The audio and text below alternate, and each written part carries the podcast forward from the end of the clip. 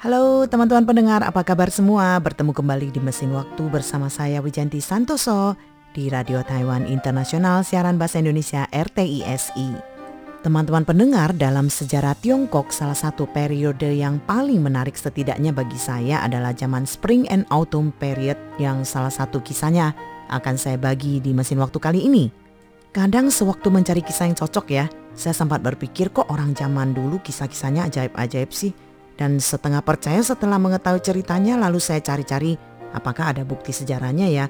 Lalu eh, tahun-tahunnya apakah cocok dengan barisan tahun sejarah di masa kisah ini berada gitu ya. Dan banyak sekali cerita yang turun-temurun ini akhirnya berubah ke berbagai versi. Kadang satu cerita bisa menjadi beberapa potongan kisah yang berbeda. Namun sampai pada akhir cerita ini selalu berpulang kembali pada satu titik yakni sebuah cermin atau reminder atau sebuah pesan yang baik untuk kita. Dalam kisah kita kali ini juga sama isinya saya sesuaikan dengan kata-kata modern ya agar kita lebih mudah memahaminya. Baiklah kita mulai dengan yang satu ini. Ceritanya di wilayah tengah e, di Tiongkok ya tersebutlah sebuah kerajaan U dengan kaisarnya The King of U. Jadi kaisar yang hidup serba mewah ini selain bertahta kita bayangkan ya di singgasananya, istananya yang megah, selalu menyantap berbagai makanan terbaik dan berkelas. Selain hanya mengenakan jubah sutra terbaik dalam kesehariannya, bahkan kapan dan di mana pun, beliau juga selalu dikelilingi oleh ratusan pembesar, ratusan perwira, eh ribuan kali ya, juga eh, tentu saja banyak sekali pelayan istananya. Dengan kata lain, apa pun yang diinginkannya, itulah yang didapatnya. Jadi kaisar pun merasa sangat-sangat bangga dengan kondisinya ini dan merasa di dunia ini Tentu saja, tidak ada orang lain yang lebih dari dirinya. Di suatu hari, sang kaisar mematuk dirinya di cermin, dirasakannya ada sesuatu kekurangan dalam dirinya. Bertanyalah dia kepada si hamba di sampingnya, hari ini saya kelihatan tampan gak ya? Baginda memang rupawan sejak lahir dan dengan jubah indah dan mahal ini, niscaya tidak ada lagi orang lain mana pun yang dapat menandingi Anda. Coba perhatikan jubah di badanku apakah masih ada kekurangannya. Hambanya ini kebingungan memandang dari atas ke bawah, ke kiri, ke kanan, lama sekali ya namun dia juga tidak mengerti apa kekurangan yang dimaksudkan oleh sang kaisar. Tidak kok, apa yang melekat di badan Anda sudah sangat sempurna. Tidakkah engkau merasa seharusnya aku perlu menyelipkan sebilah pedang di pinggangku? Wah benar juga ya, jika sebilah pedang disampirkan di pinggang Baginda, wibawa Anda akan semakin mantap rasanya. Kaisar malah menjawab, sayang sekali saya tidak memiliki sebilah pedang, itulah kekuranganku. Koleksi pedang kerajaan beragam banyaknya, izinkan hamba untuk membawanya kepada Baginda. Tidak, semua pedang yang ada bukannya hanya terbuat dari besi dan baja murahan, yang tidak sepadan dengan diri saya ini. Maksud Anda ya seperti kata pepatah sebilah pedang indah hanya cocok dipadankan dengan kesatria sejati. Saya adalah kaisar kerajaan ini, mana mungkin tidak memiliki sebilah pedang pusaka. Tahukah kalian siapa yang mampu membuat sebilah pedang terbaik di seluruh negeri ini untukku? Saat itu teman-teman seorang perwira kerajaan menghampiri dan berkata, di kerajaan kita terdapat pandai besi terkenal bernama Kancang Beliau dan istrinya, Moye, adalah pandai besi pembuat pedang terbaik dan tak tertandingi di negeri kita. Dan hanya mereka lah yang dapat meluluskan keinginan Baginda Kaisar. Mendengar berita menggembirakan ini, sang kaisar pun bertitah dong memanggil pasangan suami istri ini untuk datang menghadap ke istana. Sampai di istana, kaisar memberi perintah untuk mengeluarkan seluruh pedang koleksi dan memperlihatkannya kepada Kancang dan Moye. Setelah memeriksa seluruh koleksi tersebut, pasangan ini pun berkesimpulan bahwa di antara seluruh pedang yang ada tidak ada satupun yang memenuhi syarat sebagai pedang terbaik. Kaisar pun bingung dan bertanya, "Mengapa?" Nah, jawabnya gini, pedang-pedang ini cukup bagus, namun tidak dapat menjadi pedang pusaka yang dapat diwariskan turun-temurun. Kami mengerti Baginda memerlukan pedang pusaka khusus yang akan menjadi sebuah legenda, ya kan? Nah, teman-teman pendengar, mulai saat itu pasangan suami istri ini pun memulai proses pembuatan pedang pusaka atas perintah sang kaisar dengan memilih besi terbaik dari lima pegunungan, juga memilih hari baik untuk memulainya. Asal tahu aja, peleburan besi bukanlah pekerjaan yang sepele ya. Biasanya setelah dilakukan beberapa kali peleburan besi, besi pun meleleh. Namun, bagaimanapun kerasnya mereka mencoba ya, besi bagus dan tebal ini pun masih tidak kunjung lebur. Di sela-sela proses pembuatan pedang pusaka, tidak jarang cerita-cerita seram pun bermunculan dan kerap singgah di telinga Kancang dan Moye misalnya, tetangga di sekitar mereka yang mengeluh mendengar suara tangisan yang entah dari mana datangnya.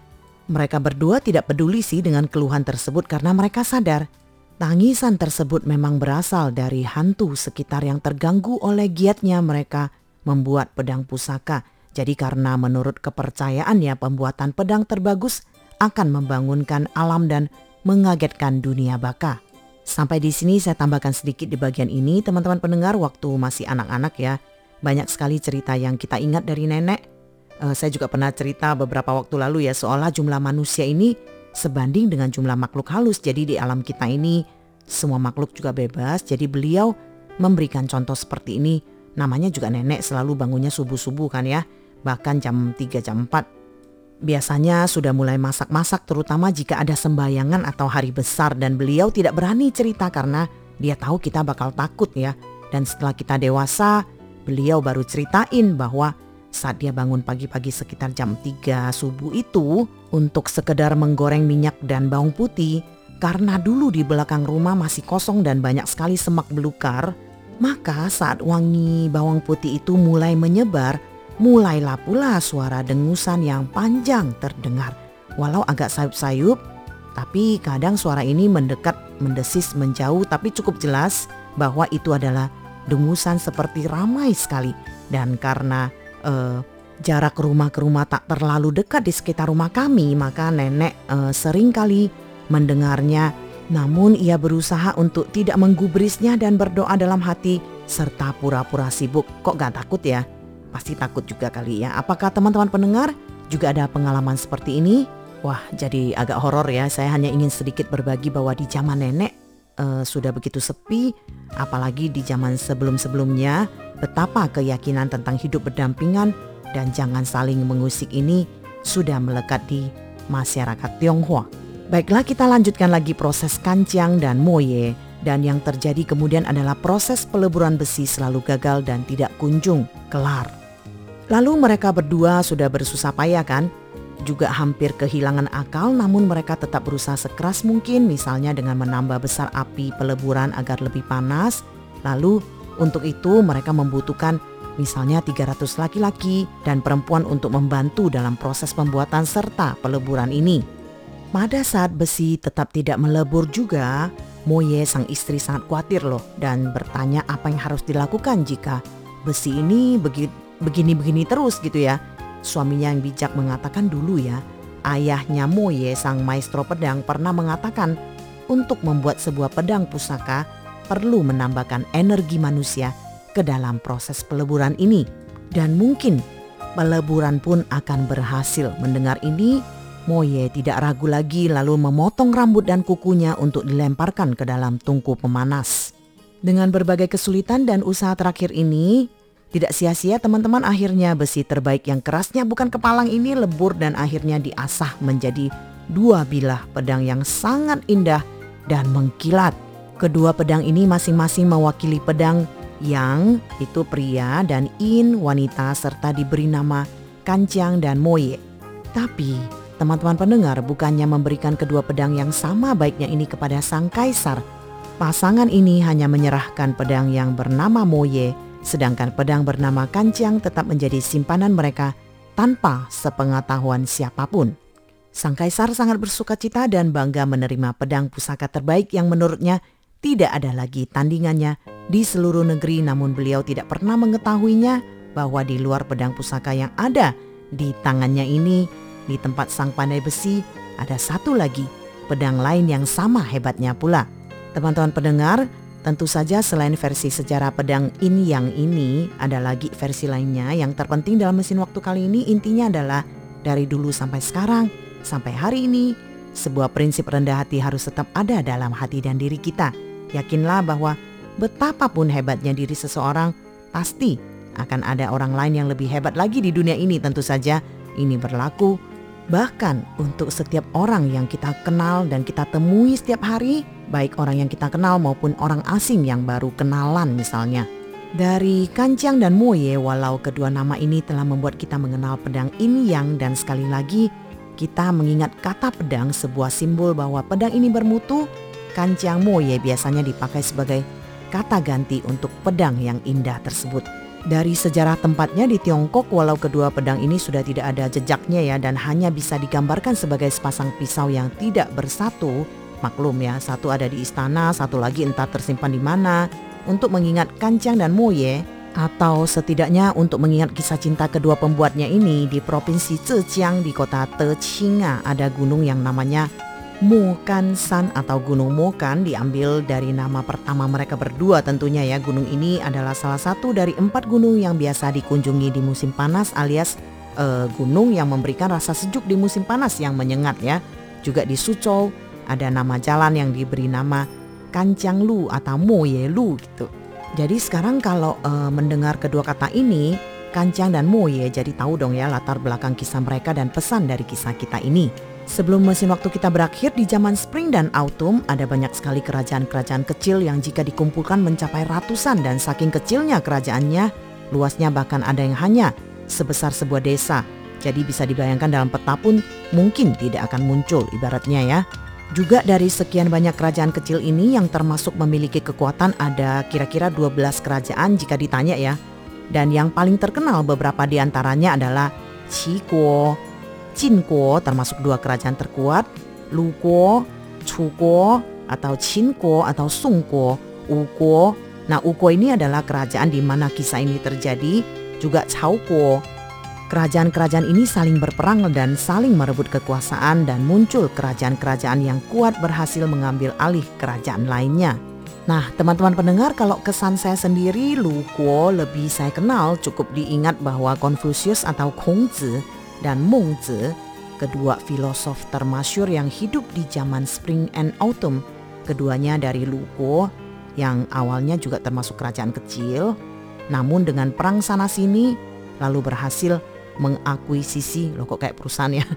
Uh, jadi mengakuisisi kerajaan-kerajaan kecil ini dan berhasil juga merebut Chaoguo dan menjadi salah satu kerajaan yang berjaya dan berdiri sejajar dengan uh, atau Qinguo yang memang sudah menjadi empat besar dari kerajaan-kerajaan di zaman Spring and Autumn period ini ya. Baiklah teman-teman pendengar, belajar sejarah eh, nggak uh, ada habisnya. Semoga kisah sejarah memberikan sedikit pengetahuan tambahan dan memotivasi kita untuk membaca mendekat pada sejarah.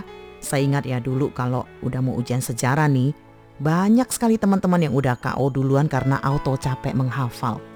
Oh ya, sebelum uh, acara kita akhiri, kita masih ada beberapa waktu ya mau salamin teman-teman yang sudah menuliskan uh, beberapa ide untuk acara mesin waktu kita.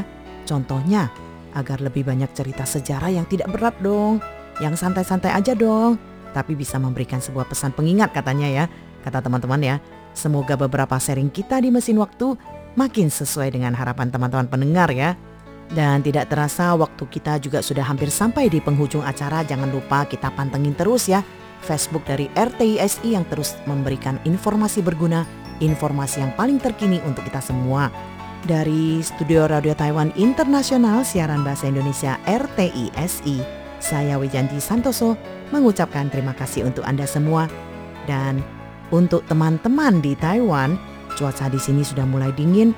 Untuk teman-teman kita yang juga uh, melaut ya, untuk teman-teman nelayan, untuk teman-teman ABK, kita juga ucapkan agar semuanya lancar, semoga semuanya juga sehat selalu dan untuk teman-teman di tanah air, semoga hari-hari Anda lancar dan menyenangkan. Kita bertemu lagi di kesempatan mendatang di berbagai topik menarik lainnya. Bye bye.